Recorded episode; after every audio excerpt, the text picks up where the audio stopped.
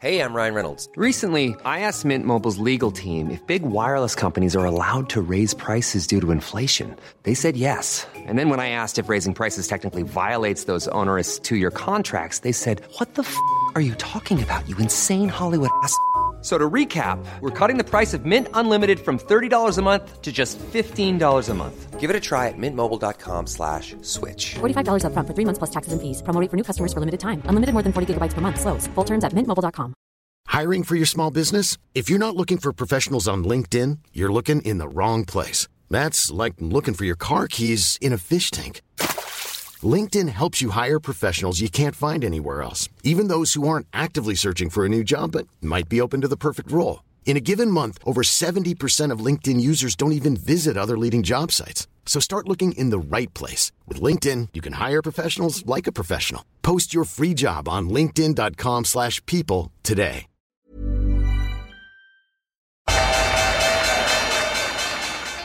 They mistook leverage for genius. Leverage for genius. I would recommend Japan. The governments don't rule the world. Goldman Sachs rules the world. Velkommen til episode 234 av podkasten 'Tid er penger', en podkast med Peter Warren. Jeg heter Sverre og er produsent, og i dag eh, går vi rett på sak. eh, Hadde egentlig en episode før, før episoden starta, og snakke litt om indikatorer du må følge med, så kanskje litt uh, annerledes enn det vi vanligvis snakker om, og det man vanligvis følger med på. Ellers er det snakk om markedet, eh, og uh, ja, egentlig prøve å lese litt det som skjer. Så det er en lang diskusjon om markedet, og runde av med Peter har funnet en ny uh, mulig stjerneforvalter. Så denne episoden er presentert av Fixrate. Fixrate er et selskap som gjør bankinnskudd for små og store bedrifter til best mulig rente. Eh, høyeste rente akkurat nå er 5,07% Som du vet, har Fixrate kommet opp mange ganger i podkasten. Både sponsa og ikke. Eh, hvis du vil lese mer, fixrate.no. Denne episoden er også presentert av Dealflow. Dealflow er en markedsplass som kobler investorer med selskaper. Tidlig fase. Fungerer som en slags børs, der det er både utstedelse av nye aksjer og omsetning av gamle aksjer. Det er akkurat nå seks prosjekter som er på vei inn, og eh, det kan du lese mer om på Dealflow. www.dealflow.no. Da går vi gang med episoden. Men la oss hoppe rett i det. Vi satt og snakka nå i en halvtime og egentlig kasta bort tid. Vi kunne like gjerne bare skrudd på record. Du eh, påpekte noe Det var flere ting som skjedde i preppen i dagens episode som minner meg litt om eh, de gamle eh, The bad old times. For i finanskrisa, for så vidt i eurokrisa også, så var det en sånn greie at folk sier har du sjekka den og den indeksen, så har du aldri hørt om den indeksen, eller du har aldri hørt om den indikatoren. Og så må du begynne å grave og lære deg hva det betyr. De fleste visste jo ikke hva en CDS var i 2008, f.eks. Og, og eh, folk hadde aldri hørt om crossover-indeksen og diverse sånne type ting. Og så sitter vi og snakker nå, og så nevner du Eller så hadde, hadde jeg lagt inn en link, og så, og så hadde jeg ikke sjekka hvordan indikator det var. Da var det crossover-indeksen, en indeks jeg ikke har hørt snakk om siden 2008, tror jeg. Og så, sitter, så spør du da om, eh, om eh, 20-åringen, altså amerikanske 20-årige statsobligasjoner. Så bare Jeg har det ikke på skjermen. Og jeg har ikke tenkt på å ha verken 20 eller 30, for jeg har konsentrert meg om eh, 2, 2 5 og 10 for å følge obligasjonsmarkedet. Altså låne i sånn mellomlang og, og, og kort tid. Og så bare må begynne å hente ut, så bare se Du har jo helt rett, altså 20-åringen er jo milevis over. Altså bare Hva betyr det her? Hva tror du det betyr, liksom? Altså i enkle Nei. former? Men hvis- vi bare spoler bitte litt til- litt tilbake altså De som klarte seg best i 1987, det var de som fulgte med et bredt ant, eh, antall indikatorer på markedet og så på, på, eh, på ting som SMP eh, 500 Futuren i Chicago, som ikke var vanlig bl.a. i Norge. Så var det jo så godt som bortimot ingen. Jeg tror vi, vi, vi var de eneste Vi var i hvert fall ifølge Reuter den gangen de eneste som hadde realtidsoppdatering på, uh, på den. Uh, og det samme når du kom, så nevnte du finanskrisen. Ingen visste hva CDS var, så de, ikke, de fulgte ikke med på, på ting. Og crossover, som du så vidt var inne på, og som jeg kan forklare om etter, etterpå, var en av de indikatorene som ga oss et veldig tidlig varsel at noe var, noe var galt.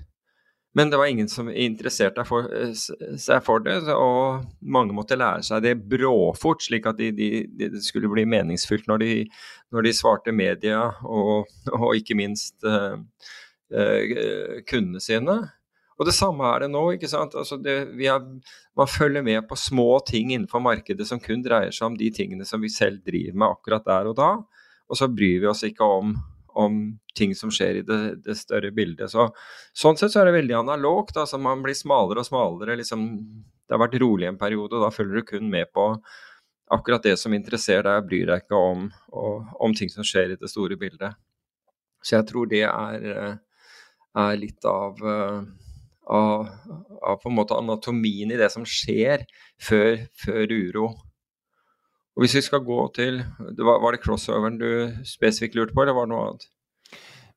Nei, altså det, det, er jo på en måte hele altså, Jeg lurer ikke på det, men du må gjerne forklare hva crossoveren er. Ja, altså Crossoveren er jo interessant fordi i, i forrige eh, episode så snakket vi bl.a. om Howard Marks og, og Oaktree og hans det du oppfattet som en form for anbefaling av high yield. Og så sa jeg at ja, high yield har, har ganske lav kredittpåslag. Vi snakket om spredd, og så ba du meg forklare hva, hva, hva den spredden, hvordan, hva det betød. Um, og dermed så får du Så poenget mitt var at du får ganske lite betalt for, for den risikoen du tar. Selv om rentene er høy, men det er også som en funksjon av at rentene generelt er høye. Statsobligasjonsrenter og, og pengemarkedsrenter er, er, høye.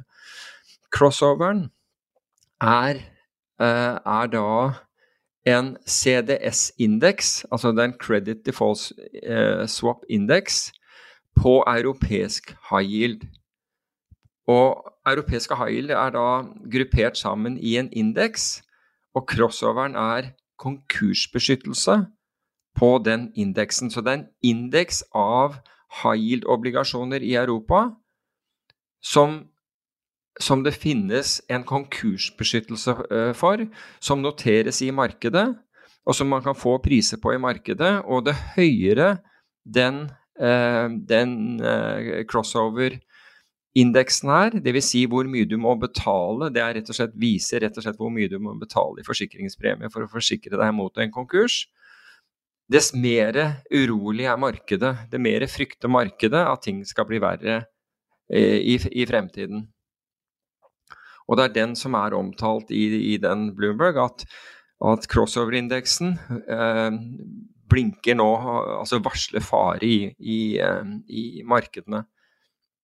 Men som sagt, dette er noe av de, de aller, aller færreste eh, som ser på, men det fins riktignok i hvert fall SEB vet jeg, eh, vet jeg bruker crossover som, som, som en hedge uh, i, i, i, sin altså i, ja, i sin risk, risk management av, av, av, sine bøker. Så hvorvidt noen av de andre bankene som befinner seg her i landet, bruker det. Det er vel tvilsomt, men det kan, det kan jo godt hende at noen i DNB sitter og, og gjør crossover òg, men, men, som sagt, det er det det er. Den, den varsler det, det, altså Nivået den befinner seg på nå, varsler fare. Altså varsler økt risiko for konkurser blant high, europeiske high yield-selskaper. Og så er det, det er flere. Dette er jo det man kan kalle relativt subtile indikatorer eh, som de fleste ikke har på skjermen sin, i hvert, hvert fall ikke aksjeinvestorer. Eh, de fleste sitter med tiåringen på skjermen, men eh, de fleste sitter ikke og følger med på hvordan det går med VIX-kurven og VIX-inversjonen, som er en annen indikator som er relativt subtil, som ikke er så vanlig å følge med på for en vanlig blod. Kan du fortelle litt om det? Ja, altså det, De har også med forward-kurve å gjøre. Og det vi vet om VIX-en, det er jo at du kan handle Altså VIX-en er, er eh, representerer hvor mye det koster å kjøpe opsjoner på, på den amerikanske SMP 500-indeksen. Den, den, representerer volatilitetselementet. Og det høyere volatilitet, jo mer usikkerhet er det. Og slik det har vært i lang, lang tid, det er at viksen for, eh, som, det, som, har forfall f.eks. For denne måneden er priset mye lavere enn den som har forfall neste, neste måned og neste måned og neste måned, slik at du har hatt en kurve som er altså en fremtidskurve av disse, fordi du kan, du kan kjøpe VIX-indeksen for uh, uh, for desember, eller du kan kjøpe VIX-indeksen for juni neste år, eller et eller annet sånt. Altså forsikring da, en form for forsikring. Og den har da hatt en, en, kurve som har vært stigende oppad til høyre. Altså med andre ord det vi kaller en kontango-kurve. Og hva er det den forteller oss? Jo, den forteller oss at markedet tror ikke at det er så stor risiko på kort sikt. Men på litt lengre sikt så, så tror markedet at, er, at, at, risikoen er høyere. Så det er stadig høyere risikopremie jo lenger du vil, du vil forsikre deg. Det er ikke det samme som at forsikringen koster mer fordi det er lenger Eh, for, fordi det er lenger til, eh, til, til, forfall. For det gjør den per definisjon fordi du betaler eh, en pris for det. Men den, men den reflekterer også at usikkerheten, at, at markedet er, er tror at sannsynligheten for at noe skal skje, øker, øker med tid. Men, og det som har nå skjedd, da, eller det som skjedde forrige uke, var at denne VIX-kurven inverterte. Og det, den, det gjorde den under, under, finanskrisen også, hvor den, de korte forfallene begynner å handle høyere enn de lengre forfallene. Da mener man at, at risikoen er her og nå. altså det er, det er, større risiko på kort sikt enn lengre sikt.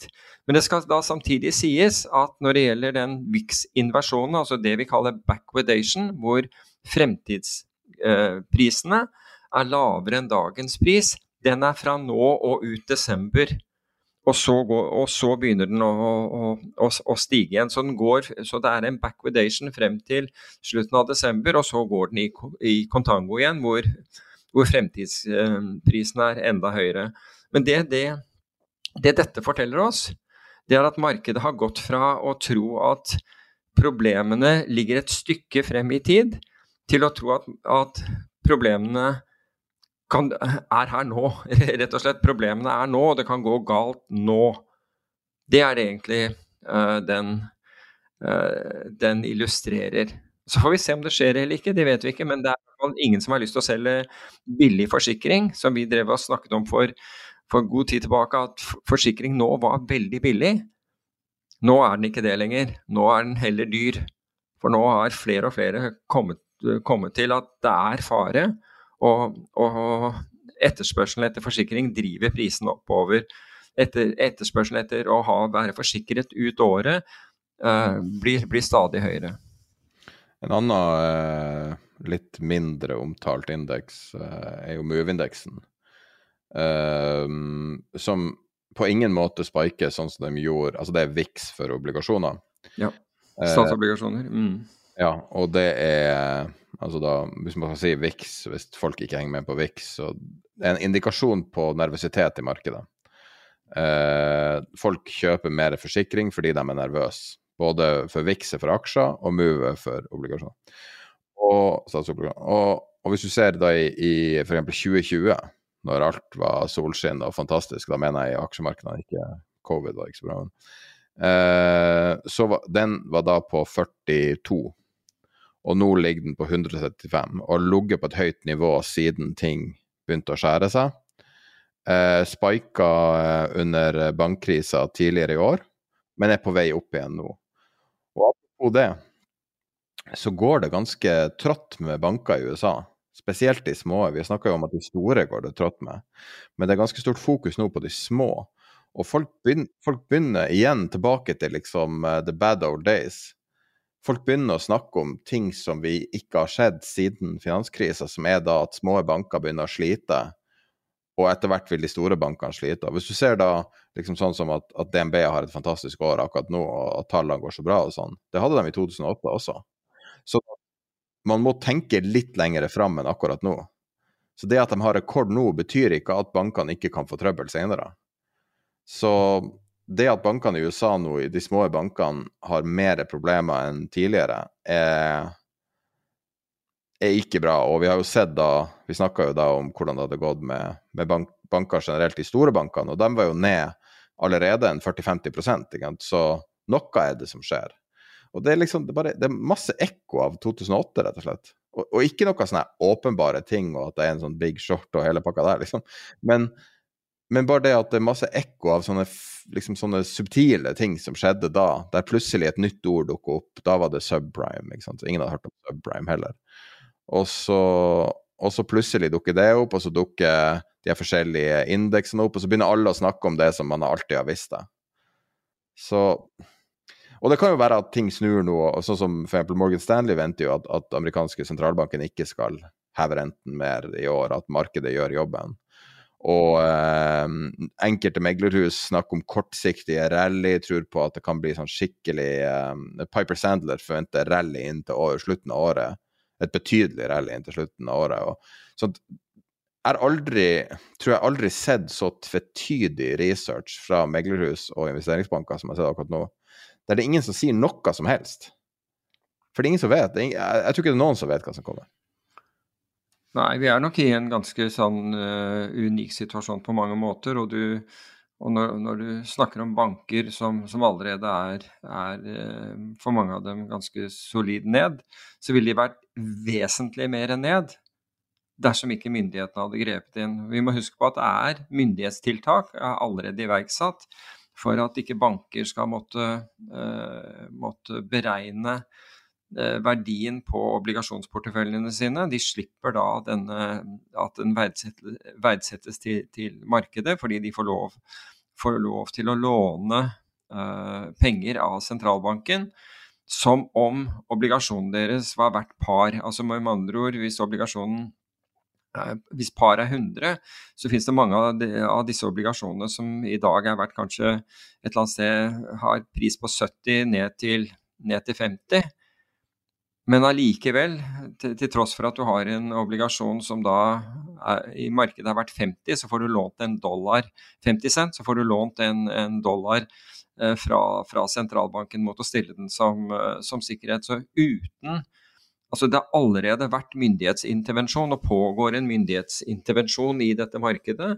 Og uten den så hadde det jo sett vesentlig mer stygt ut enn det er i dag. Da hadde du hatt bankkonkurser, antageligvis en serie av dem i USA.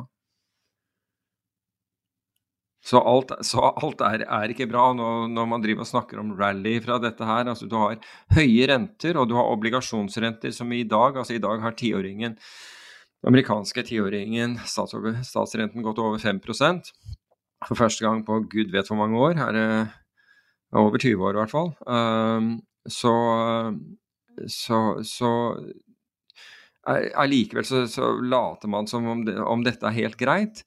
Og Én ting er at den korte renten er over 5% men nå har jo de andre obligasjonsrentene steget kraftig, det vi kaller en bear steepening, altså eh, obligasjoner langt ut på rentekurven. Og når vi snakker om rentekurven, så snakker vi da om, om tid, altså som tiåringen, 20-åringen, eh, 30-åringen osv. De, de var lave. De var mye lavere enn en, eh, enn den korte renten, den som settes av sentralbanken. Men nå har det snudd, og nå har de kommet opp. Og det er det samme som at markedet tror at vi kommer til å, uh, kommer til å måtte hanskes med, med, høye renter i mye lengre tid. Og det er, det er, klart negativt, fordi det er mange av prognosene er basert på, eller var basert på, nå nevner man ikke det faktumet lenger, men nå var basert på at renteoppgangen ville være kortvarig, og at vi ville være langt nede til neste år. Og det tror da ikke markedet på lenger. Så um, vi lever i, i spennende tider hvor, uh, hvor, det gjelder å holde tunga rett i munnen, for å si det på den måten, og heller se på hva markedet sier, enn å høre på uh, hva, hva, folk som da ikke sitter med den, med den risikoen du kanskje sitter på, hva de mener at du burde gjøre. Jeg kan jo si at uh, hører ganske mange historier fra store selskaper, selskaper som du tenker på er uvanlig profitable, som kutter til beinet nå. Og det, mm. etter du har kutta til beinet, så er det bare én ting å kutte, og det er arbeidsplasser. Ja. Og, eh, og, det er jo ikke noe noen håper på, men det er definitivt neste steget i denne bevegelsen. Og eh, det er viktig å følge med på de her mer subtile tingene, for det er når ting smeller, så kan det se bra ut hvis du sitter og ser på SMP-indeksen eller et eller annet sånt, men når det i realiteten er syv selskaper som holder de 500 selskapene kunstig oppe, på en måte, altså da mener jeg altså holder selve indeksen kunstig oppe, um, og du hører om at uh, uh, ja, at det er store kutt i selv de, de liksom trippel A-type selskapene, så skjønner du at det her er i ferd med å skjære seg noe veldig alvorlig. Og da er det liksom Det er ikke nok å bare følge med på f.eks. statsobligasjoner, du må se litt mer tredimensjonalt på det. Ja, altså når, eh, ja, det, er så, det, er så, mange faktorer å, å, å, ta hensyn til her. Og Du nevnte arbeidsmarkedet, og arbeidsmarkedstallene har vært gode. Men når du bryter de der ned og ser at antall permanente jobber eh, har mye svakere utvikling enn midlertidige eh, jobber. Så det er midlertidige jobber først og fremst som, hvor, uh, hvor, hvor, trykket har vært oppe. Og Jeg er ikke sikker på at det er en så god, god sak, at, at, bedriftene velger å, å, å, leie inn folk på midlertidige kontrakter kontra å, å gjøre faste ansettelser. Det for meg er et uh, men, men, folk ser på hovedtallet og sier oh, det er så sterkt arbeidsmarked. Men kanskje det ikke er så sterkt som, som man får inntrykk av når man ser på hovedtallene, hvis man går og ser på sånne nyanser som bl.a. utviklingen på midlertidige jobber i forhold til permanente jobber.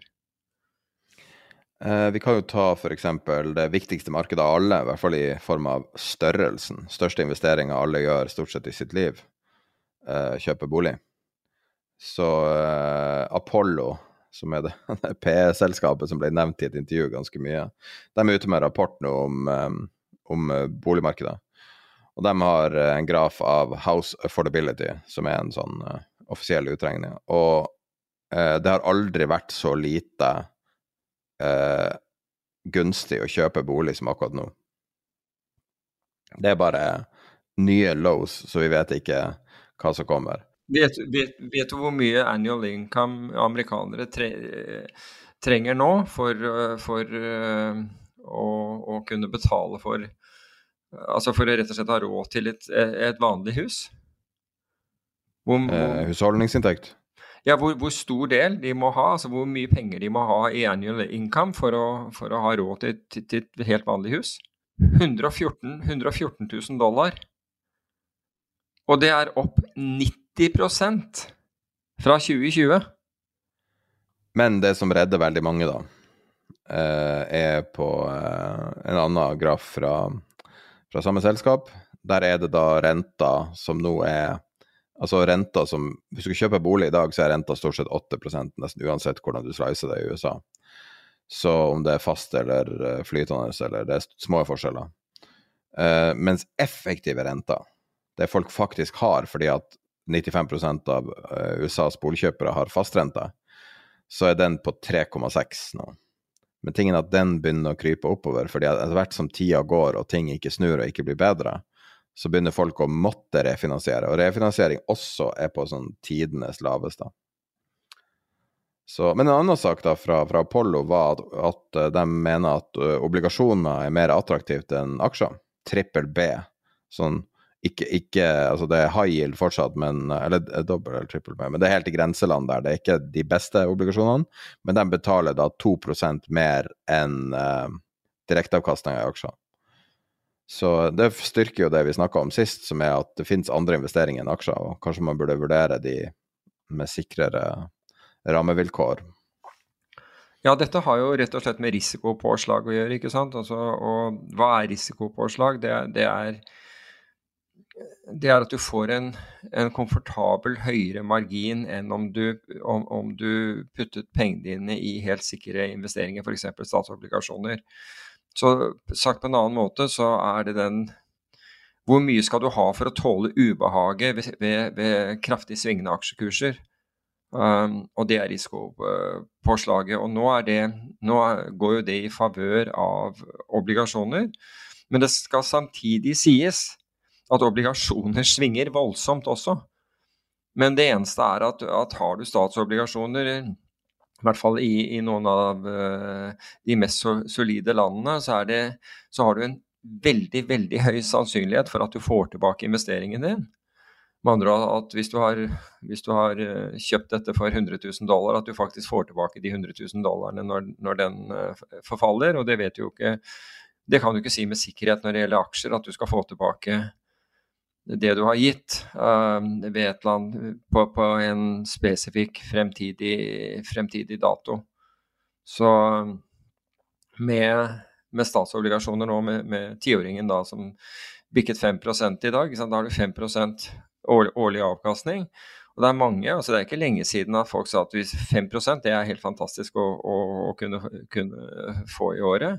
Og det er jo, som vi, snakket om, altså alle skulle ha obligasjoner da du omtrent ikke fikk renter på dem. Da var det ingen reservasjoner, til tross for at renten var så lav og til tider negativ. Med andre ord skulle de allikevel kjøpe obligasjonene.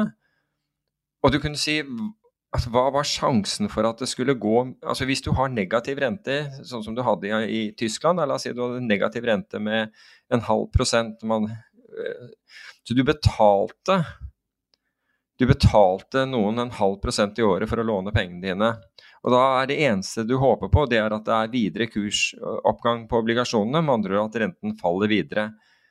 Men, og det virket som at, at folk trodde at ja, det kan sikkert falle mye mer. Altså mye mer hva, altså, Det er grenser for hvor mye du er villig til å betale noen for å låne pengene dine. På samme måte nå, når du kan få 5 ja, Nei, nå skal det mye høyere. Akkurat det samme. Altså, nå, nei, nå skal renten mye høyere. Inflasjonen er lavere, men allikevel. Renten skal, eh, skal eh, mye høyere. Så det er litt den derre samme saken. Vi bare vi, vi følger den den retningen det går, og så tror vi at det skal gå mye lenger. Det kan jo hende at det går lenger, for all del. Altså, jeg trodde ikke at vi skulle se negative rente på, på svært mange obligasjoner, jeg. Ikke, ikke i det hele tatt. Men, uh, men samtidig så uh, så, så, så uh, bettet jeg ikke for Altså, jeg, jeg begikk ikke den der feilen med å, å ta inn masse obligasjoner når, når renten var som lavest. Mens på dette nivået, hvor jeg vet at jeg kan få 5% så synes det ganske attraktivt ut. Men også fordi hvis verden virkelig, hvis det virkelig skulle gå til helvete i, i, i verden, så vil den økonomiske veksten falle, inflasjonen falle, høyst sannsynlig samtidig. Og eh, det betyr også at renten faller, så du kan, du kan også, noe som vil gjøre at det høyst sannsynligvis kan kunne også da få en kursgevinst på, på obligasjonene, eller bli sittende på dem eh, opp til opp til enhver. Så Vet du hva eh, gjennomsnittlig avkastning på eh, akkurat de obligasjonene har vært de siste 100 årene? Nei. 4,9. Akkurat, ok. Du tar eh, begrensa risiko, spesielt amerikansk stat. Eh, selv om amerikansk stat skal være risikofri rente, så er renta i Sverige akkurat nå 2,93 på ti år og USA 4,99 akkurat nå, så Og, og Japan på 0,83. Og det, det, det, var så høyt at den japanske sentralbanken måtte gå inn og intervenere her i forrige uke. Det er, det er, er tydeligvis øyet som, eh, øye som ser.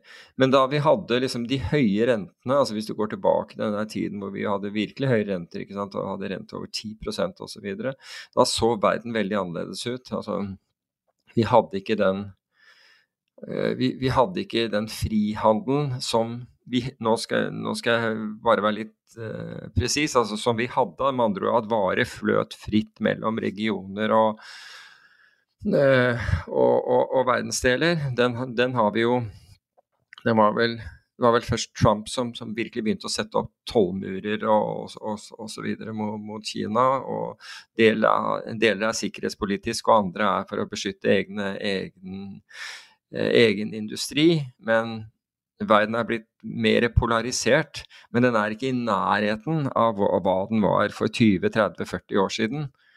Da, da fløt ikke handelen fritt. Og hvorfor er det viktig? Jo, fordi da er det mulig å kjøpe varer fra i land som har mye lavere produksjonskostnader, og få de sendt, sendt, sendt hit, istedenfor at vi, ja, at vi eh, lager disse varene Eh, dy, mye dyrere selv.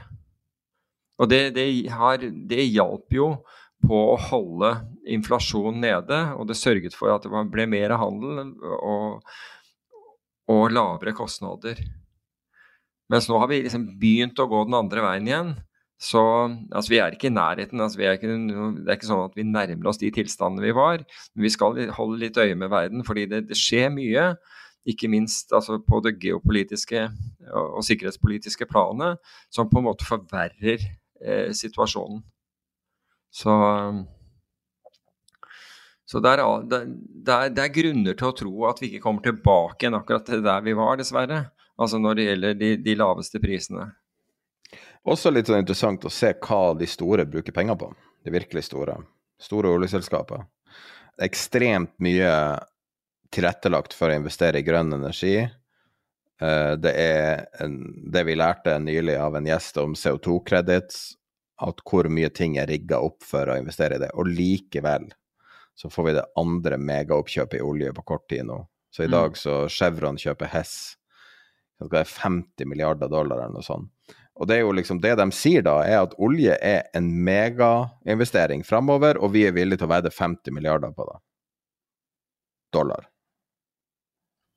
Altså Jeg forstår hvorfor man sier det. For hvis du ser på aksjer og obligasjoner og eiendom, som da har vært det som myndigheter har sagt at vi, det er omtrent det eneste som, som småsparer får lov å putte pengene sine i, så i den perioden hvor renten falt og verden fungerte, og altså sømløs handel osv., så, videre, så gikk det veldig bra, fordi alt gikk opp sam, samtidig, og vi ble vant til at, at uh, det, det, var At det skulle være en diversifisering mellom, mellom aksjer og obligasjoner osv. Og, så og det så vi bl.a. i 2008, når aksjemarkedet falt, så i hvert fall statsobligasjoner, med en gang man begynte å, å presse renten ned, så steg verdien på de, så de som hadde da portefølje bestående av aksjer og obligasjoner, tapte da vesentlig mindre enn de som bare hadde aksjer, f.eks.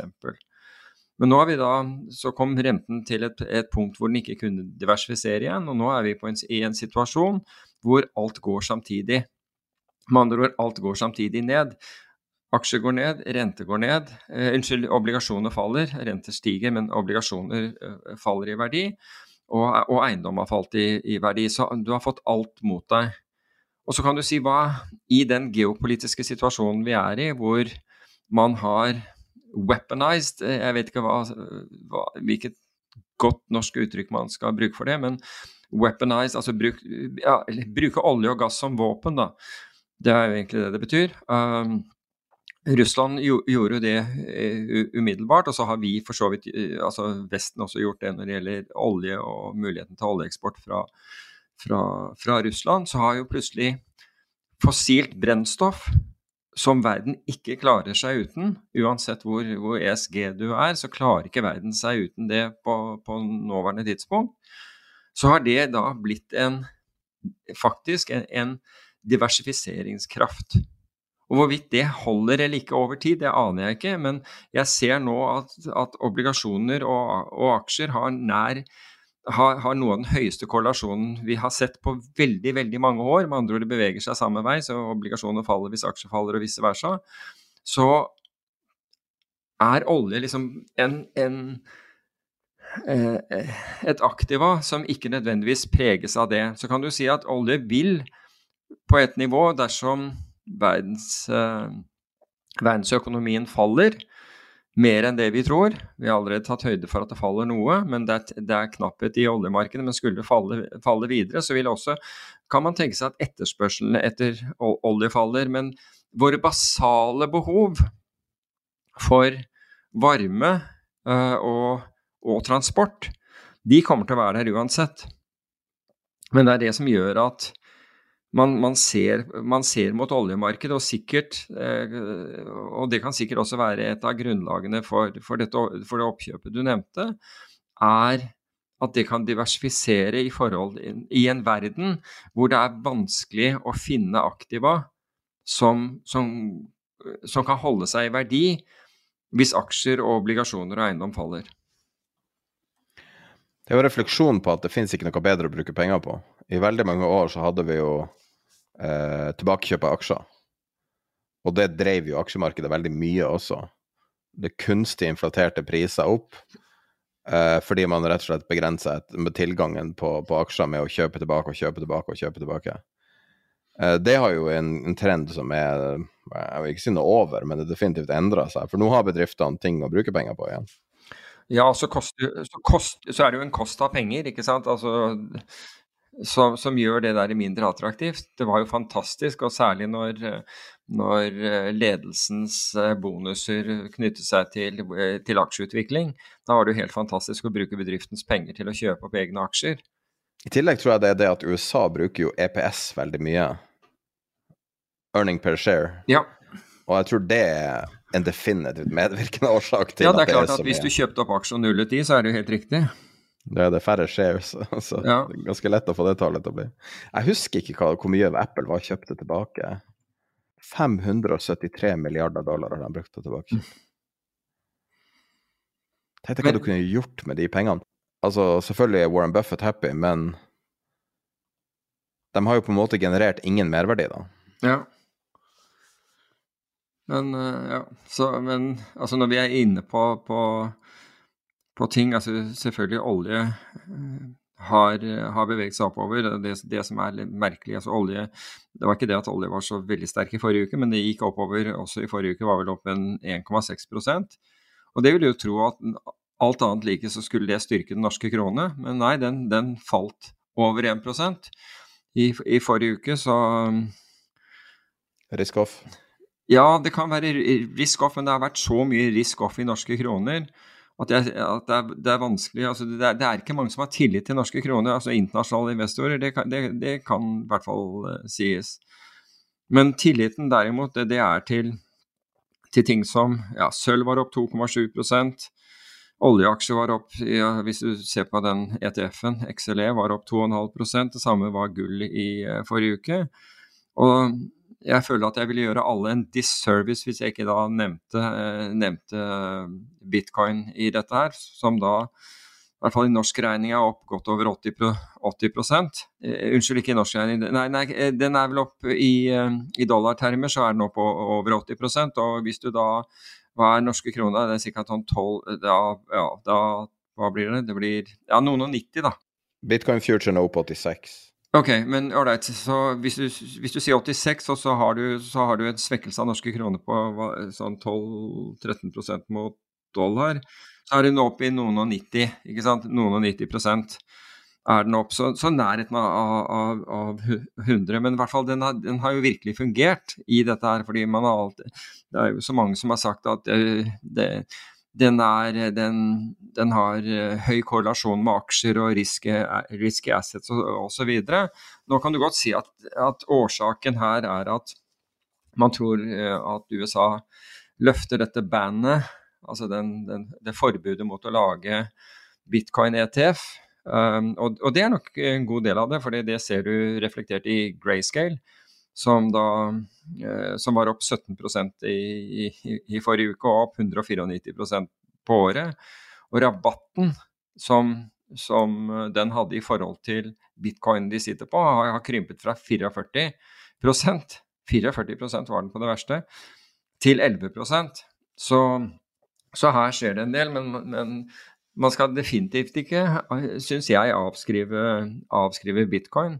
Og hvis du ser til noen av disse andre landene, altså Argentina og andre Hvis du hadde heller puttet pengene dine i, i bitcoin, for så vidt Israel også, med den svekkede shekelen som følge av, av, av krigen på, på, på Gaza, og, så hadde du, hadde du klart å bevare pengeverdiene dine ganske, ganske grundig der også. Også mot, for så vidt mot norske kroner, når det er sagt. Det er en ting jeg lurte på, som jeg har lyst til å spørre deg om.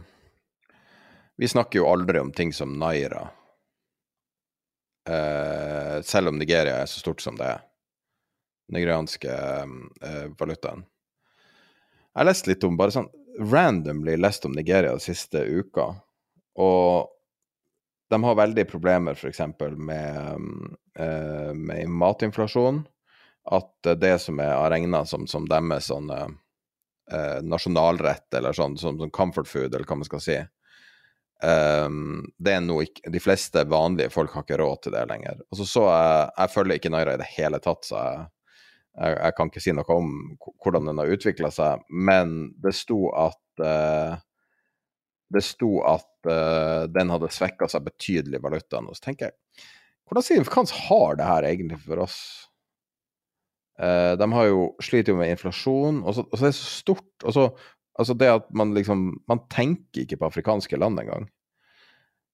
Men det må jo ha en signifikans for, for hele verden når sånne, så store land som Nigeria begynner å føle så for alvor på presset.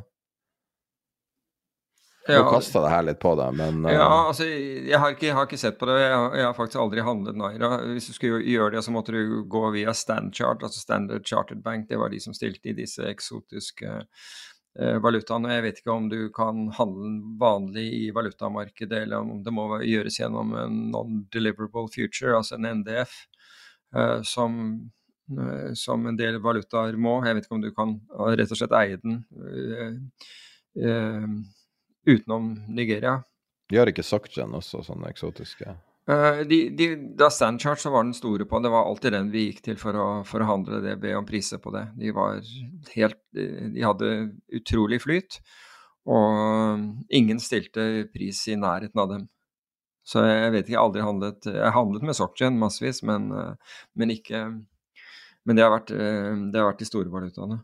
Men jeg kan, jeg kan, bare dra sånn kjapt gjennom uh, de tingene som gikk til, til nedsiden. Det var, det var, mye rødt i forrige uke, for øvrig.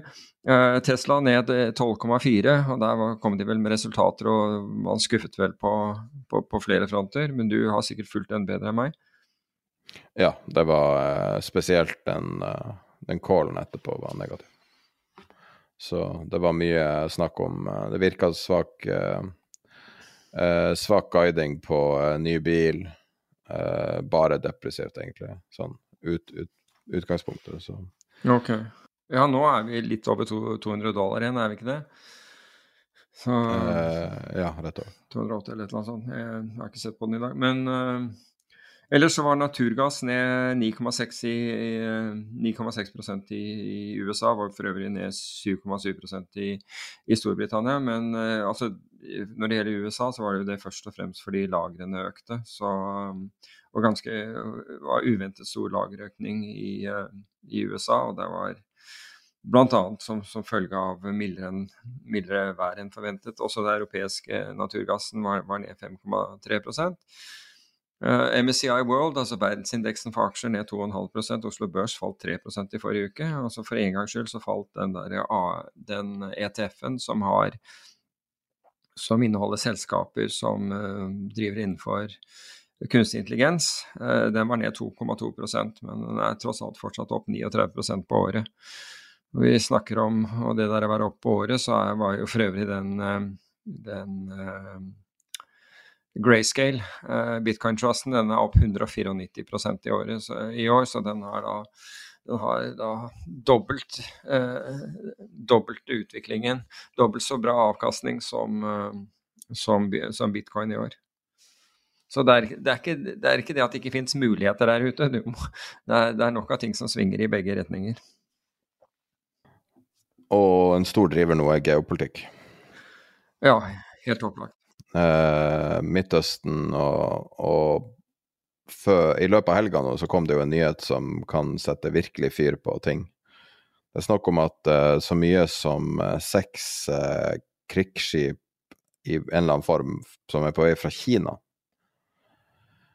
Er det her noe som man man har forventa, liksom? Nei, det tror jeg ikke. Uh, jeg prøvde å se om, om, om, om det ble Altså, jeg så den, den, den du sendte, men, men, jeg prøvde å se Jeg bare, bare ta et forbehold, da. Ja, Ingenting er til å stole på når det kommer til den Midtøsten-informasjonen. Alt må man være skeptisk til, inkludert det jeg sa nå. ja, for jeg forsøkte å finne noe, noe sånn second source på det, og ikke minst eh, hvilke reaksjoner eh, det, det, ville være på det. Fordi eh, når du har to uh, amerikanske uh, battle groups, altså hangarskip med, med, med alle de skipene rundt, altså destroyer og alt som de har med seg, i, allerede i Middelhavet, og du, hvis du da liksom stormer inn med, med eh, kinesere i tillegg, så, så, tror jeg det blir et ganske anspent område, for, for å si det forsiktig. Eh, jeg tror nok eh, kanskje nesten jeg vil trekke tilbake og si at jeg stoler ikke helt på den informasjonen. Og, det, og, det, må man jo være så sykt Dette er jo det verste tilfellet av, missi, altså av, av umulig informasjonsinnsamling. Uh, Ti ganger verre enn Ukraina. Men, ja, men så så du kritikken som var rettet mot uh, tidligere Twitter på dette? Der var noe over 90% av det de uh, Av den feilinformasjon, altså sånn som var bevisst sendt ut feilinformasjon om det som skjedde på, på Gaza, kom fra verifiserte konti. Verifisert betyr at du betaler de der, altså, 8 dollar i måneden. Ja, men er det bare det? Altså, er det ikke slik at det, det også ville altså, Da er du ikke en da er du ikke en bot, altså da er du på en måte Det betyr at du betaler 8 dollar i måneden. That's it. Ok, mm. men i hvert fall Jeg tror det var 91% av misinformasjonen var eh, på, på, på, Twitter kom fra verifiserte, verifiserte konti. Men var ikke det opp, den opprinnelige delen, ideen? At de var å stole på kontra alt det andre? Altså, når, når krigen i Ukraina starta, så eide en dif, eh, differensiert gruppe Twitter. En av de største investorene var jo Saudi Eh, som fortsatt er en stor eier. Og, eller eier vel gjeld, eller hva. De er, de er, med i det syndikatet. Men eh, Og ettersom Og da var Twitter nesten en slags sånn ryggrad i global journalistikk. Eh, du kunne stole på det, du hadde sånne verifiserte kontoer som var manuelt verifisert, sånn og, ble promotert, men du hadde en sånn relativt velfungerende plattform, økonomisk mislykka, men uh, strukturelt var det liksom det som var ryggrada i journalistikk. Og nå uh, vil jeg si at det bare, du kan bare ikke stole på noe der. Og det her er et veldig godt eksempel, fordi at alt som høres for godt til å være sant, er sannsynligvis det. Ja, her er det for vondt til å være sant, egentlig, men ja. Jeg vet, jeg vet ikke. Jeg, jeg, tror det er det, For vi er jo blitt så vant til å være så live oppdatert med alt mulig. Men fordi at Twitter ikke fungerer lenger, så har man mista den, så, så, veldig mange som, som søker oppdat oppdaterthet fra lokale kilder osv., mm. Uh, får ikke nødvendigvis det. Så sånn som det er nå, så tru, så i hvert fall Og det er kanskje det som er formålet med så mye misinformasjon, det er at sånne som meg sjekker helt ut og sier jeg kan ikke stole på noe, så jeg, jeg bare gidder ikke å oppsøke det. Fordi at det her er helt umulig å vite hva som er sant og ikke sant. Og det kokte jo til toppen med det sykehuset. Der det fortsatt er uklart og uavklart hva som er, og folk driver og hyler og skriker til hverandre i alle retninger. Mm. Så altså, sannheten er jo på en måte død. Men altså, Israel har jo gått ut og sagt at de har nå drept Jeg tror det var 1000 Hamas-folk. Uh, det, er, det, er, det er offisielt sagt fra Israel. Noe som betyr at det er 2400 sivile uh, som er drept i tillegg, da. For jeg tror det er, tre, er det ikke 3400 og et eller annet uh, døde i Gaza siden dette, siden dette skjedde. Så um, Men dette, dette, var, dette er Israels egne, egne tall om antall, antall Hamas. Når det gjaldt den når det gjaldt sykehuset, så, så, så, får man da Så får Jeg syns det, det, var merkelig at Jeg syns det var litt merkelig at, at Biden uh, godtok den israelske forklaringen sånn helt umiddelbart som en sånn ryggmargsrefleksjon på at, liksom, at, dette var Hamas som sto bak. Um, men det tar vel litt lengre tid å gjøre en granskning Eh, på sikt. Jeg vet at eh, det jo, ble jo gjort en gransking bl.a. av flere aviser når det gjaldt uh, to biler, tolv drepte, som da var på den ruten som man skulle, som si, var fredet fra, fra, nord til syd, altså der hvor man ble bedt om å eh, ble, eh, Hvor man ba palestinerne trekke seg ut av nord og, og mot syd. Så der var, det, der var, det, jo heller ingen som ville påta seg, men der var det jo var det Financial Times, jeg husker jeg ikke hva den andre var, om det var Wall Street Journal eller hvilken annen avis det var som hadde, som hadde brukt open source uh, for, å, for, å, beregne hvor, hvor, uh, hvor, de to missilene kom fra. Så det lar seg gjøre å finne ut sånt. da. Jeg tror vi lar andre andre bedømme hvem ja, altså, som vi, gjør hva. Vi sitter jo For det her greiene er jo så uoversiktlig at Ja, vi sitter jo ikke med den, denne, denne informasjonen.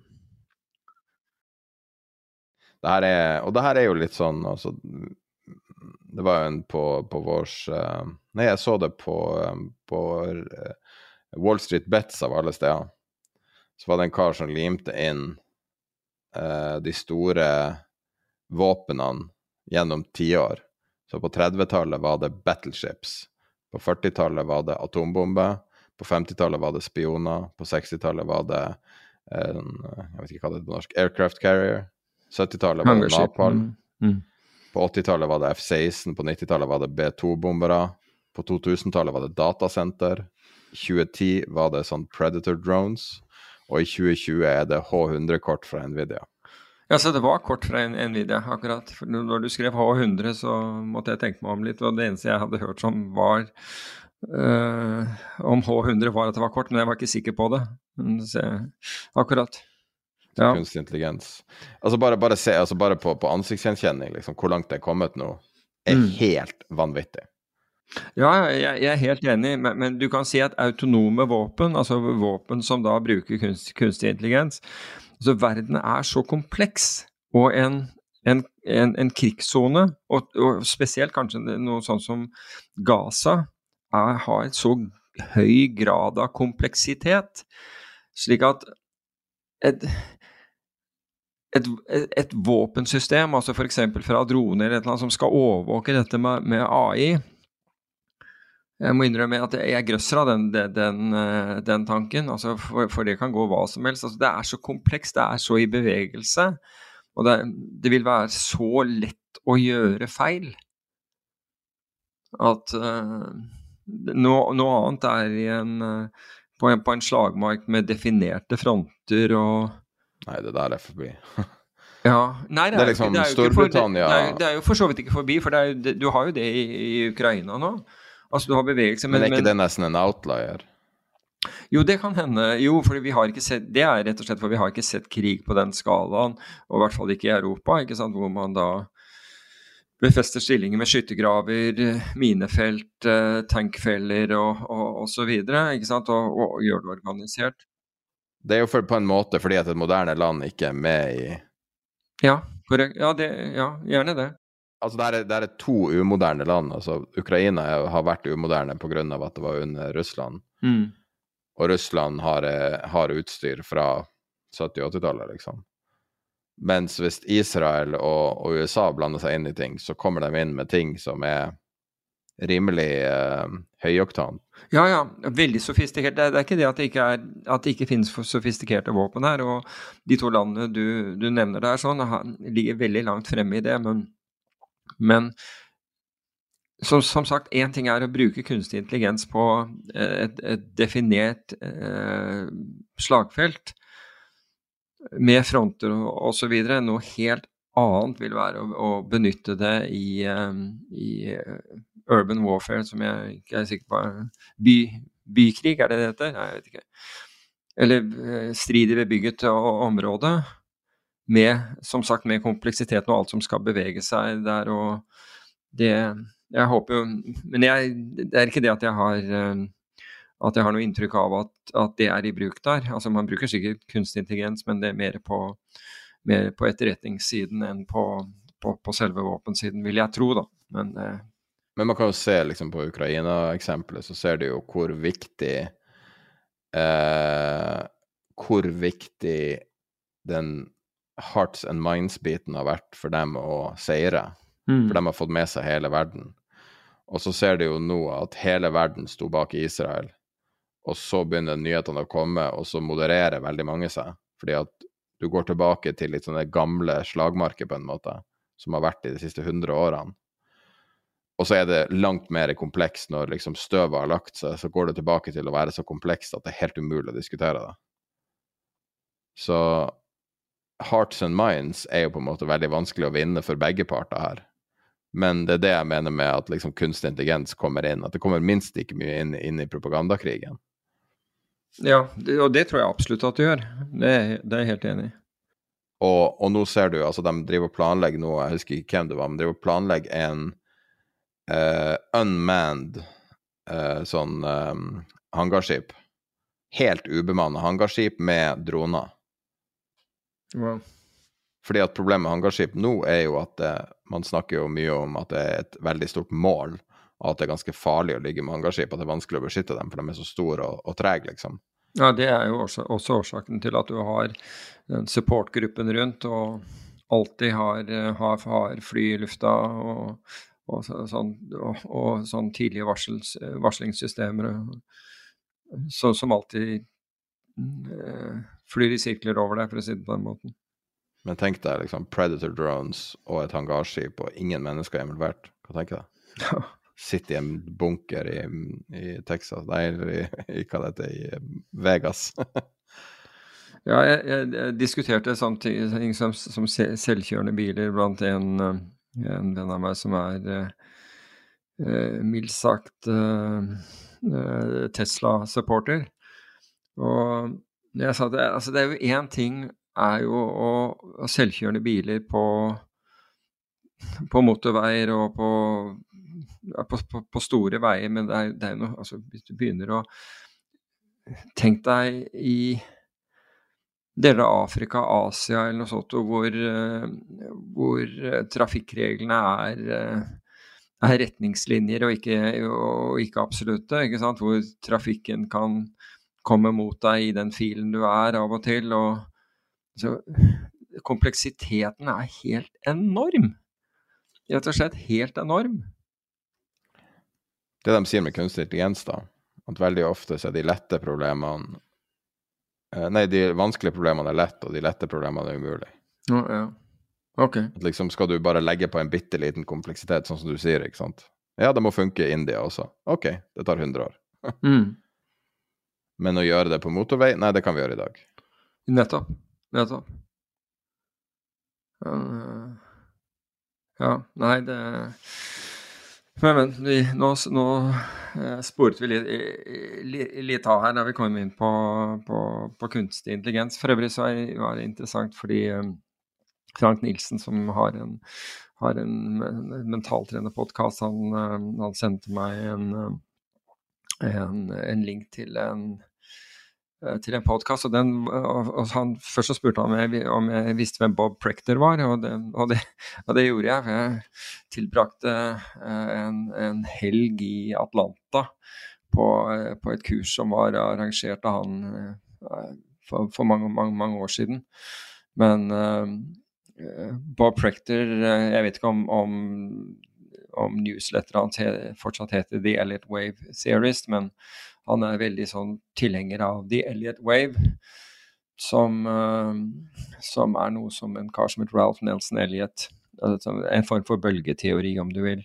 Og han, han, han naila jo for så uh, den uh, 87-krakket. Det, det, det, skal han ha. Og så, og så husker jeg at han han ble provosert av noen amerikanske uh, journalister om å delta i en sånn uh, sånn tradingkonkurranse. Uh, og så svarte han at eh, det er greit, men jeg gjør det kun én gang. Jeg, jeg, det er ikke sånn at jeg kommer til å fortsette med det. Og så slo man seg til ro. Så deltok han i den, denne tradingkonkurransen, eh, som gikk over da ganske lang tid. Og, og, slo den helt ut av parken. Han vant voldsomt.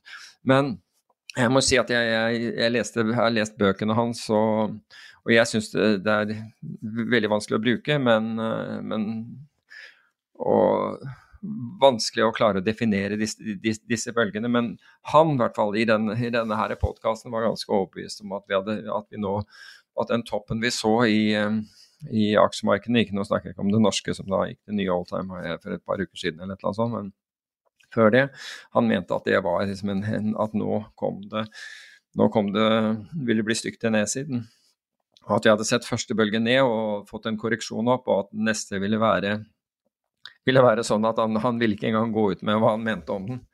Men det blir interessant å se om, om, han er, om han er rett eller ikke. Men han var jo utrolig kjent innenfor finans på 80- og 90-tallet.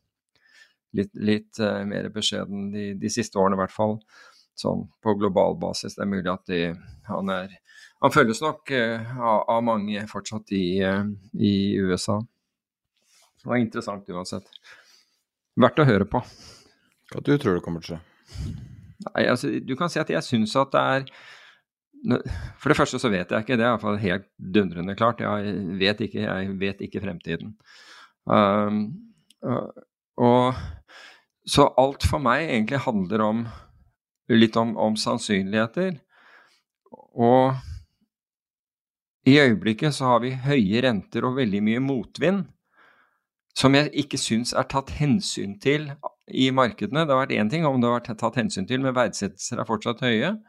Så markedene har liksom valgt å lukke øynene for det, og det betyr ikke at, betyr ikke at jeg har rett, eller at markedet har rett. Det, det, det, vil, det vil, tiden vise, men jeg syns det er mye motvind og usikkerhet der ute som man ikke tar på alvor. Og jeg tror at årsaken til at vi ikke tar det på alvor, er at vi har hatt en så god tid for, uh, unnskyld, bak oss fra 2009 med sentralbankintervensjon og lave renter og alt som er pushet opp, at de som er der i dag, rett og slett ikke vet noen annen strategi enn å bare sitte så, sånn som det er og ikke gjøre noe med porteføljene sine. Og det eh, kan være at det gir en Eller jeg tror at det først og fremst gir en forsinkelse. Og så kan man jo håpe at den forsinkelsen er så lang at ting begynner å bedre seg igjen i den andre enden. Det vet jeg ikke. Men jeg føler ikke at dette her er tiden for å være høyt belånt med, med å, å, ta enorm risiko. Det, jeg føler at, at, hvis man så var, så har man fått all, alle mulige advarsler mot det. Ikke minst krigen i Ukraina. Det at vi får en krig, altså en krig på europeisk eh, jord igjen. Og nå med den usikkerheten som har blusset opp i, i Midtøsten, og som truer da med å trekke eh, Libanon og Iran med i krigen, og kanskje andre, på et eller annet nivå, så føler jeg at usikkerheten er, er, er såpass stor at dette er ikke tiden for å ta, eh, ta veldig mye risiko. Tvert imot er det tiden for og, og antageligvis å ha cash tilgjengelig, slik at du kan reagere når, eh, hvis, hvis situasjonen Eh, hvis situasjonen blir mer attraktiv. Men, vi, men, problemet er at vi sitter, altså de aller fleste, og det inkluderer meg, sitter jo og håper på at det skal gå bra. For all del. Vil jo at det skal gå bra. Vi ønsker jo ikke at verden vår skal bli snudd opp ned. Men på, på, på sett og vis så er, så er i hvert fall ting og Om det ikke er snudd opp ned, så er det tiltet. Og hvis vi ikke tar hensyn til det altså Det er som det er som å være på en båt som begynner å ta inn vann på den ene siden. Du, det er greit å gå over på den andre, men liksom hvis den fortsetter å ta inn vann på den der siden, så, så, så, så vil det medføre på et eller annet tidspunkt går den rundt. Så jeg føler ikke at vi jeg føler ikke at vi tar høyde for, for, den Jeg føler at situasjonen er mer alvorlig enn det vi tar høyde for. Det er liksom det, det, det korte svaret på det. Og det betyr jo at hvis det skulle utvikle seg verre, så kan, komme, så kan, en del bli voldsomt overrasket. Og vi har sett, vi, altså Bare se her. Det er folk som har bygget seg opp store verdier over veldig mange år, og som har gitt fra seg 70-80% av de verdiene bare på et år nå er blitt borte. Og det, og det, og det, er, det er kjente, smarte finansfolk, blant annet. Så så så fort kan det gå, liksom. Og det er jo rett og slett fordi du ikke tenker muligheten for at det kan, gå, at det kan bli mørke At de mørke skyene kan faktisk bli til uvær. Så jeg velger i hvert fall å være forsiktig, for å si det, si det på den måten. Men det behøver ikke å være riktig. Jeg er nok mer altså, Rett og slett fordi man har opplevd så mange nedturer i markedet, så, så blir man nok Kanskje overforsiktig, det, det, vil jo, det, vil jo, historien eller fremtiden vise hvor, hvorvidt man er. Men det er selvfølgelig fare for at du blir for forsiktig. Og de som har blitt gjort det kjempeskarpt de siste årene, de har jo ikke vært forsiktige i det hele tatt. De har gitt flatt jern og belånt til pipa. Det har fungert veldig, veldig bra, men taper du 70-80 av, av, eh, av verdiene dine på, på ett år, så burde du kanskje sette opp i stolen og si hm, kanskje jeg burde tatt noe av bordet, eller kanskje jeg burde tenkt litt annerledes. Men på den annen side, hvis du hadde tenkt annerledes fra starten av, så hadde du ikke fått de verdiene. Så det er vel en, det er vel en vurdering alle må, alle må gjøre. Jeg vet ikke. Hva du tenker om at vi ser nå at uh, si, bilsalg og bilhold begynner å bli et problem, sånn som at både i Norge og utlandet at uh, de mest basale tingene begynner å bli et problem? Er det noe som du får flashback av tidligere? Ja, altså du kan si at etter 87 så var det jo så var det jo, var, var det jo leasingbiler for salg til de grader. Det var, det var store lagre av, av, biler som ble tatt inn som ikke kunne hvor, hvor, eh, de som hadde kjøpt dem, ikke kunne gjøre opp for seg. Uh, de, eller de som hadde lån på dem, ikke kunne gjøre opp for seg. Jeg vet ikke hvordan, hvordan, det er med sånne lagre nå, men jeg hørte jo i sommer om, om, om et, et, kjent luksusmerke hvor, hvor bilen kostet ja, bare tippe sånn Dette var elbil, 1,23 millioner, og, og var, var nå ble, ble solgt, til, solgt, tilbake til forhandler for litt over 400 000. Så Hadde jeg visst om det, så skulle jeg kjøpt den, for å si det på den måten. Det er jo det som eksperten vår sa i det intervjuet, og, og det som mye peker på, er jo at uh, på vei inn uh, Altså på vei inn til jul den tida der, mm. så hvis du har uh, tørt krutt, så så vil det være mange muligheter. Vil, men det de personene ikke hadde høyde for, er jo at veldig mye biler sendes ut av landet. Jeg solgte nylig en gammel bil, mm. og, og, den ble sendt rett ut av landet. Ja. Så, um, sånn at det er ikke nødvendigvis det trykket vi kanskje tror, fordi at den svake krona gjør jo at, at de personene som eksporterer, printer penger. Altså det er liksom bilarbitrasje. Ja, og det er jo bra. Altså, det er jo bra at, at, at, at man får gjort det. Hadde ikke det skjedd, så hadde hele bransjen konka. Det er mulig. For de brente inne Altså, de kaiene er jo fortsatt fulle av biler. Så det er mm. ikke sånn at alt har blitt solgt, men det virker som at spesielt bensinbiler går lett ut. Mm. Så um, Men uh, som en makroøkonomisk indikator, når folk begynner å ikke betale bilen, da har de ikke så veldig mye penger til overs, liksom. Nei, da da er det ikke så greit. Og, ja, du hører jo om altså Det er jo blitt mye trangere, det er jo ingen tvil om det. Og det, du kan si at du har Én ting er jo inflasjonen, som regjeringen fullstendig tok feil på.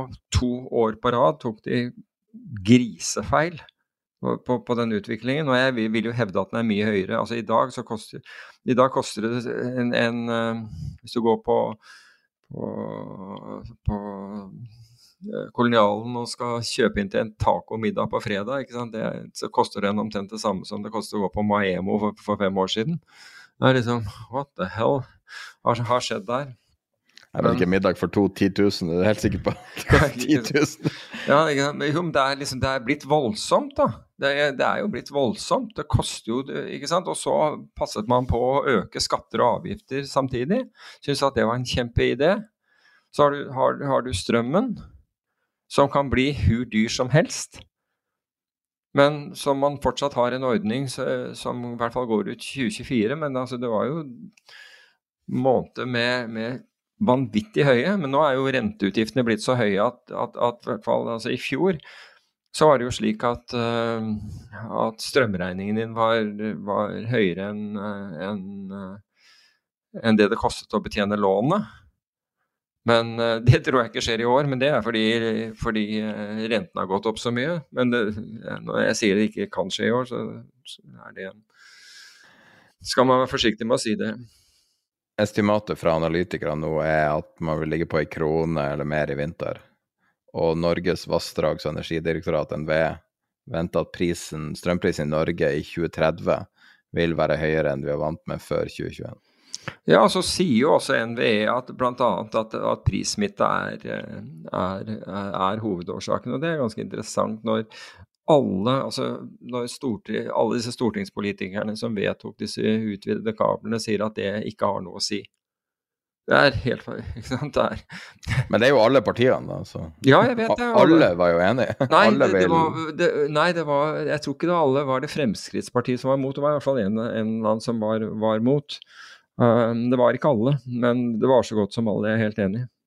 Avslutningsvis så vet jeg at du hadde et uh, tips eh, for å spare forvaltningskostnader for staten. At det var én sånn superansatt som kunne deale med alt. Ja, du, det eh, Jeg må innrømme at jeg hadde ikke hørt om vedkommende, men, men hun sitter i SMK, altså Statsministerens kontor. Og hun må være Altså, hun heter Therese Steen og har da plassert titalls millioner eh, i aksjer før de blir kjøpt opp av PE-fond. Det er jo helt Det er fantastisk Altså, så min, mitt poeng er, er, at vi har en sånn ressurs. Altså hun må være Hun må være for PE-bransjen det som Jim Simons er for, er for, for hedgefondbransjen. Skjønner du? En, en sånn en, absolutt enhjørning, sånn som du har hørt om, men aldri har sett. For hun har helt fantastisk avkastning, og klarer da å plukke aksjene før disse, eh, disse PE-fondene, som for øvrig har fått penger av staten Eh, til å investere, går inn og kjøper disse selskapene.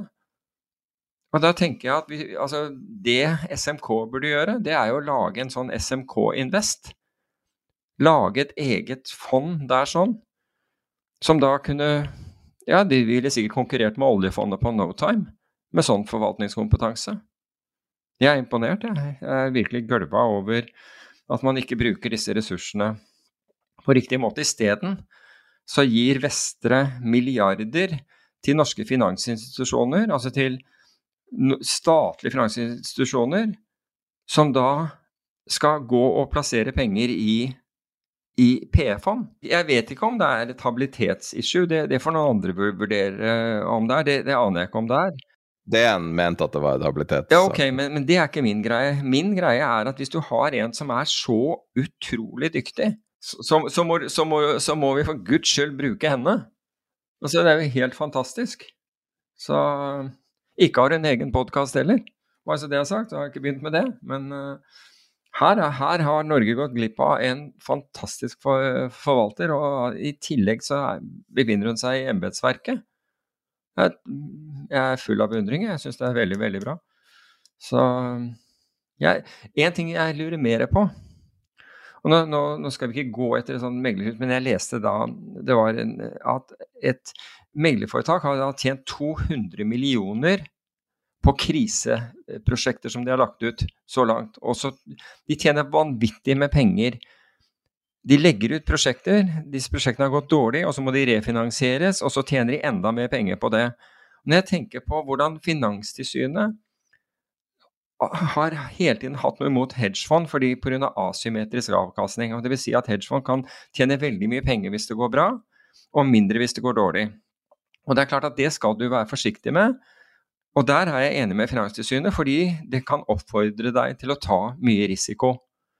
Og det, det som hedgefondene gjør for at det ikke skal være så mye asymmetri, det er at forvalterne i hedgefondet må putte sine egne penger Eh, ved siden av investorens penger i fondene. Slik at hvis, gjør, hvis, du tar for mye risiko og fondet gjør det dårlig, så går det utover deg selv også. Men slik er det ikke i disse meglerforetakene. Der er det ingen asymmetri. Og de tjener vanvittig om det går godt eller dårlig. Hvordan Kurt inn, kurt ut.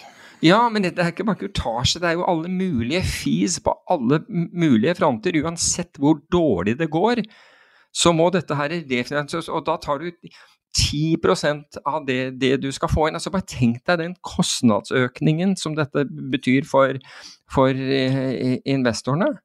Tenker du nå på den andre DN-saken som var om Arctic Securities? Ja, det er den jeg tenker på. Men, men det er ikke Altså, det får være som det er. At det er dem eller ikke, det, det spiller ingen rolle. Men at ikke Finanstilsynet, som da har vært så opptatt av at det ikke, dette med asymmetri At ikke de begynner å møte seg selv i døren og si liksom, hvordan kan det være Det her tjener jo penger uansett, og, og det, det går aldri utover dem.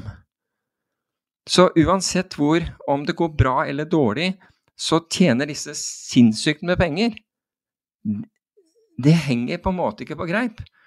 Men det er ikke mye som har hengt på greip når det gjelder eh, Finanstilsynet og, og, og finansmarkedet. De gjør en grei jobb når det gjelder, eh, når det gjelder å overvåke liksom sånn boliglån og, og, hvor mye lån Altså lån, hva heter det for noe, belåningsgraden til husholdninger og, og, og, og advare om det. Det syns jeg er en helt grei jobb på det. Men mot finansmarkedet for øvrig Jeg vet ikke. Under norm, tror jeg de ville kalt det på Hva heter det for noe?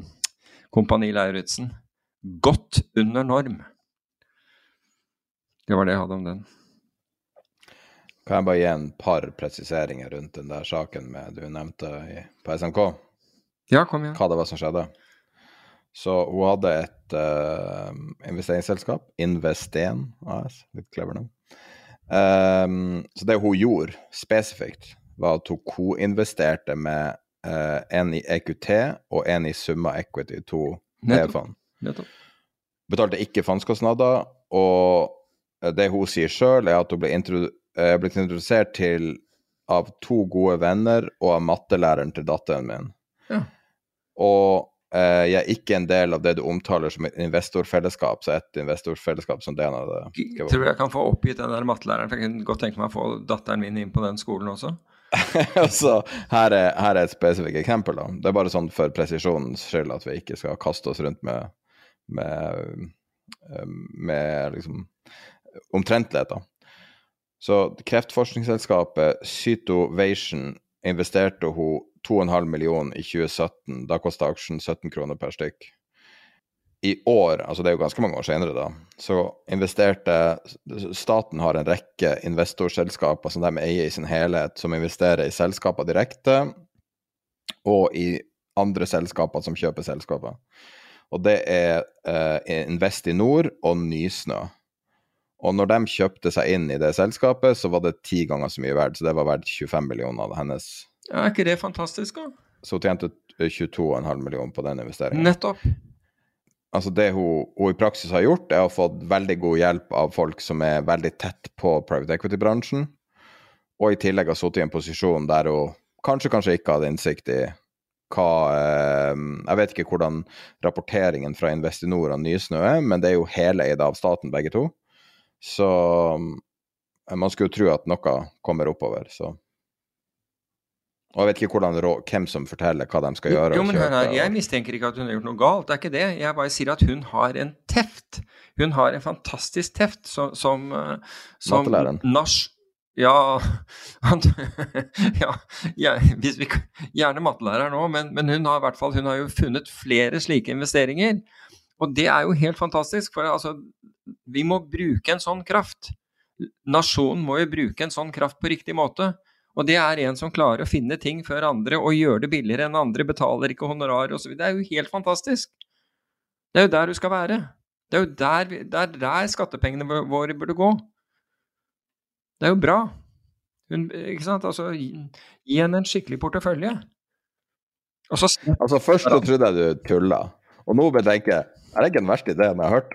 Nei, altså, hvis, hvis, man kan få EQT til å guide eh, investeringen til staten, så er jo sikkert det dritbra. Ja, nettopp.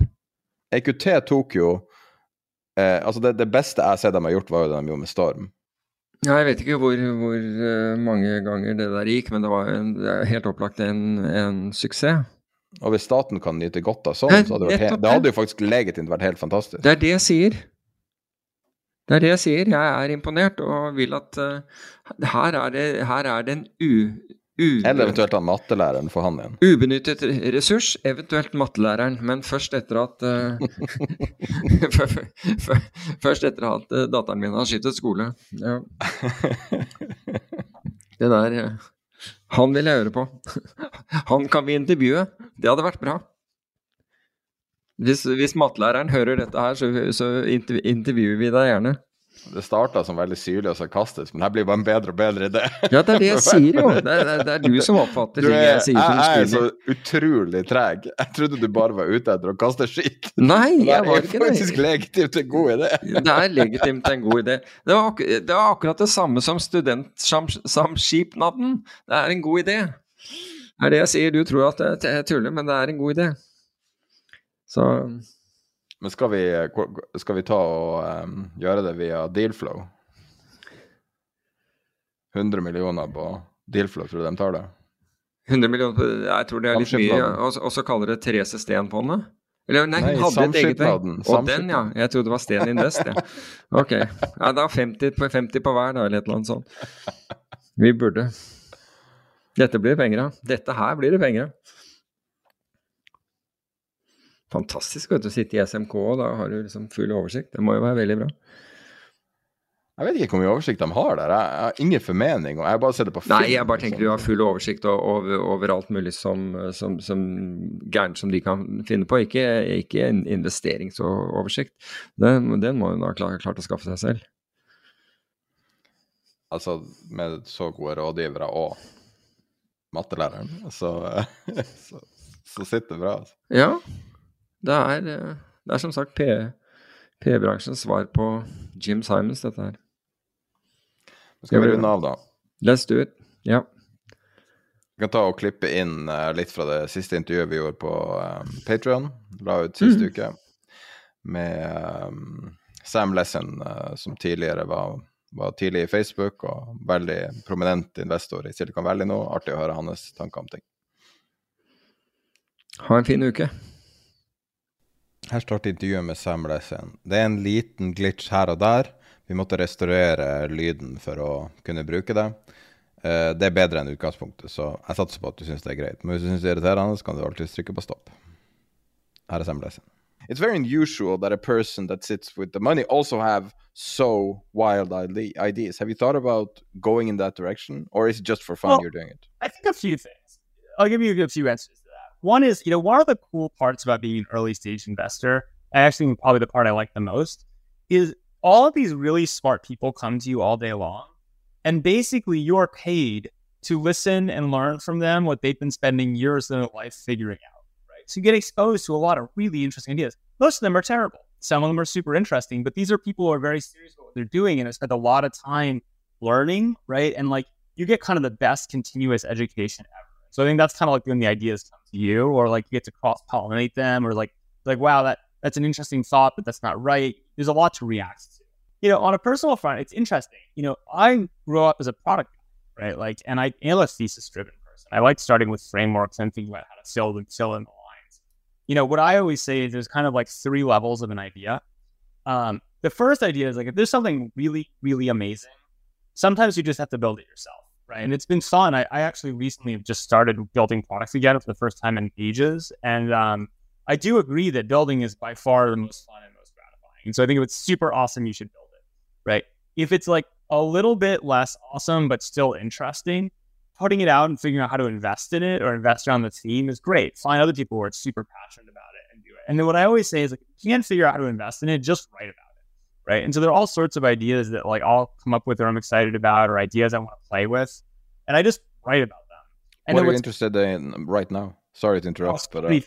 I mean, like I'm interested in France. like literally today, today. What are you thinking Well, about? I mean, like I'll give you a, a very recent example. Maybe not this second, but like I was joking, half joking, half serious, that someone starts needs to start something called net jets for farms, where a bunch of rich people can pay like a million dollars a pop and buy into a farm network. And like, there's a longer story about why this isn't the dumbest idea ever, but like I put that out as like a half serious, half joking, and then you know what happens is everyone writes back and like, Sam, that's wrong, or Sam, that's right, or Sam, oh, here's this interesting company that's doing something related, and I like learn a lot from that, and sometimes I mm-hmm. get great deals from that, and so to me, it's kind of this, you know, I do like generating ideas, I like putting them out.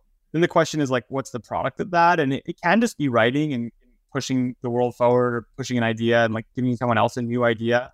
Um, it can be an investment, or in some cases, you're right. Sometimes you do want to just build something, right? Uh, I think you kind of kind of just think about that type of stuff. By the way, the reason we do these interviews is primarily as a selfish way to learn. Yeah. And I think that's a good way to do interviews. It's like, who do I want to talk to? Who do we want to talk to? And Totally. who do we want to learn from? And it really does work. It totally Um, works. Yeah, I mean, I'm with you. I mean, think about it. So, so yeah, I mean, I I do the same thing with people come, you know, and they're looking for capital. It's like I would never take a meeting, and I would always tell people, like, as I sometimes do, sometimes I say, look, there is no chance that we'll invest in this, but if you want to chat, I'm here to chat, you know, and I'll learn. and you know, sometimes people say that's fine. Well, you know, I mean, I think they should spend their time elsewhere. People actually might give them money, and sometimes like, no, like I'd love to chat. And I think you just learn a lot from people, you know. You briefly mentioned uh, your pitched great and terrible ideas. Do you have some outliers, like very, very bad ones and very, very good ones? Oh man, it's hard to say. I don't want to throw people under the bus. So the very, very bad ones, I think, are hard to ever bring up, but they do happen. Um, the very good ones, I mean, like, look, you kind of look at our investment portfolio, my in the investment portfolio parts I've done, and I'd say like most of those are people who have I've either put something out, an idea out, and they've come back with a better idea. They're the yes and like that's actually wrong, Sam. I don't mind being wrong, by the way, but like I have a better version. Like, holy shit, that's a great idea. Which is like some money, right? Like that happens all the time. Um, you know, or so that If you look at our portfolio. I mean, I think you know uh, uh, one of my favorite versions of that is you know we're investors in a company called Team Shares, uh, which I seeded very very early on when really no one else was around and giving them money. That's kind of doing a very interesting approach to uh, effectively buying and then improving small businesses. It's like a very oddball idea from a venture capital perspective, but it's crushing it, right? And so I think Team Shares is a good example of a weird idea uh, at its time. Uh, you know, you mentioned investing in people. This is something I really believe in. We've now done many of these deals, and we'll do many more. Where instead of buying equity in uh, a, a company that produces a product, we kind of buy, you know, a small percentage of a personal holding company that kind of is the collection of everything a creator or is doing over the next 30 years. You know, I think those are going to turn out to be fabulously good deals, but they're very different, and pretty odd, right? So, you know, there's all sorts of good stuff. The the only reason I'm not asking you more about this is because you've been interviewed about this quite a bit. So we have uh, limited time. So Oh, oh, good, man. I appreciate it. Whatever. I'm here for you. I can suggest something that you might be uh, thinking of as worst because Sure. it's so many. How many AI pitches have you gotten that are terrible in the last year? Well, the good news is I'm getting less of them, fewer of them, because I've been so clear about the fact that I think AI pitches suck. Um, so that is one thing I think I'm very different than most of the Silicon Valley market on these days. Um, I want to be really clear. I don't think that AI is not interesting technology. Um, I think people are going to make a lot of money on it. I think the big brands are going to make a ton of money on it. Uh, big platforms like Meta and Microsoft, et cetera, is going to be wild, right? And I think also very small companies can do super well with it. It's just like the cloud a generation ago. You know, we're in a place where all of a sudden the tool, the leverage of being a three or four or five person team and making really compelling products just went way up. So I think that'll be great. But I think the battle of traditional financing AI companies, which are extremely overpriced, have no defensibility against each other in terms of, um, you know, distribution or you know, in terms of data. There's a bunch of reasons I think it's, it's bad business. Um, now, look, there are exceptions. I mean, you know, there are companies that are pitching themselves as AI companies because that's what they think the market wants. But then when you talk to them, like, look, we're saying we're an AI company, but we're not really an AI company. Like, there, there's some of those that exist. Um, but I do think, um, I think in general, the, the you know, the all the all the kind of wannabes were doing Web three, you know, two years ago are Oh very my god, Web three, jeez. AI now, and they're all bad. Yeah, that was a terrible thing. Well, again, I think the thing about I'm actually very bullish on on crypto. I think it's really important. We've been very focused on it. We continue to be, but I just think you know these things, these um, memes tend towards mania, right? On a lot of these things, and like it's just there are these moments where when you know it's, it's not that complicated. When everyone's rushing in, it's probably a time to sell.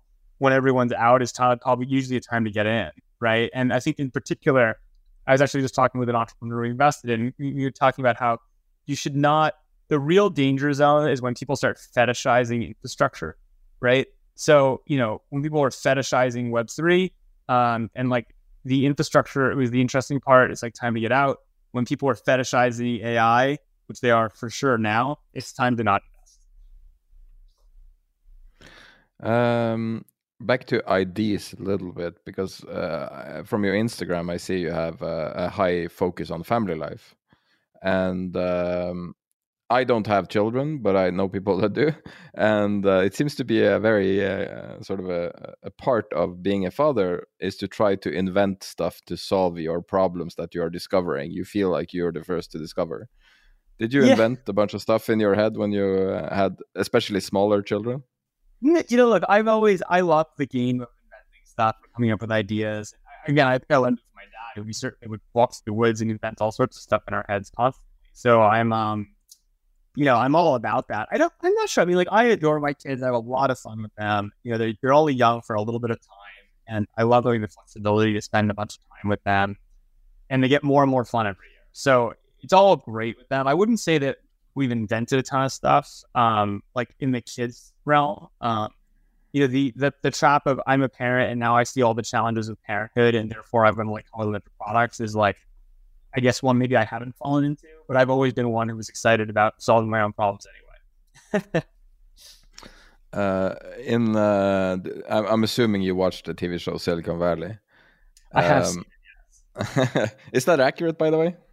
You know, it's kind of classic in that they have smart writers who obviously know a lot about Silicon Valley. I, there's a lot of shows like this. I find I think they have a lot of smart advisors, like Yeah. the Twitter guys were advising them. You know, like I, it's the same thing with if you've seen the the show Succession, is like it's particularly funny if you actually know a lot of the characters that they're making fun of and the situations they're making fun of because they're very on point. You know, I think with Silicon Valley, I mean, it was obviously silly and the, the meta story wasn't wasn't you know it had its ups and downs, but like the little quirky things are always very funny to me. You know, the things they get right, the the details.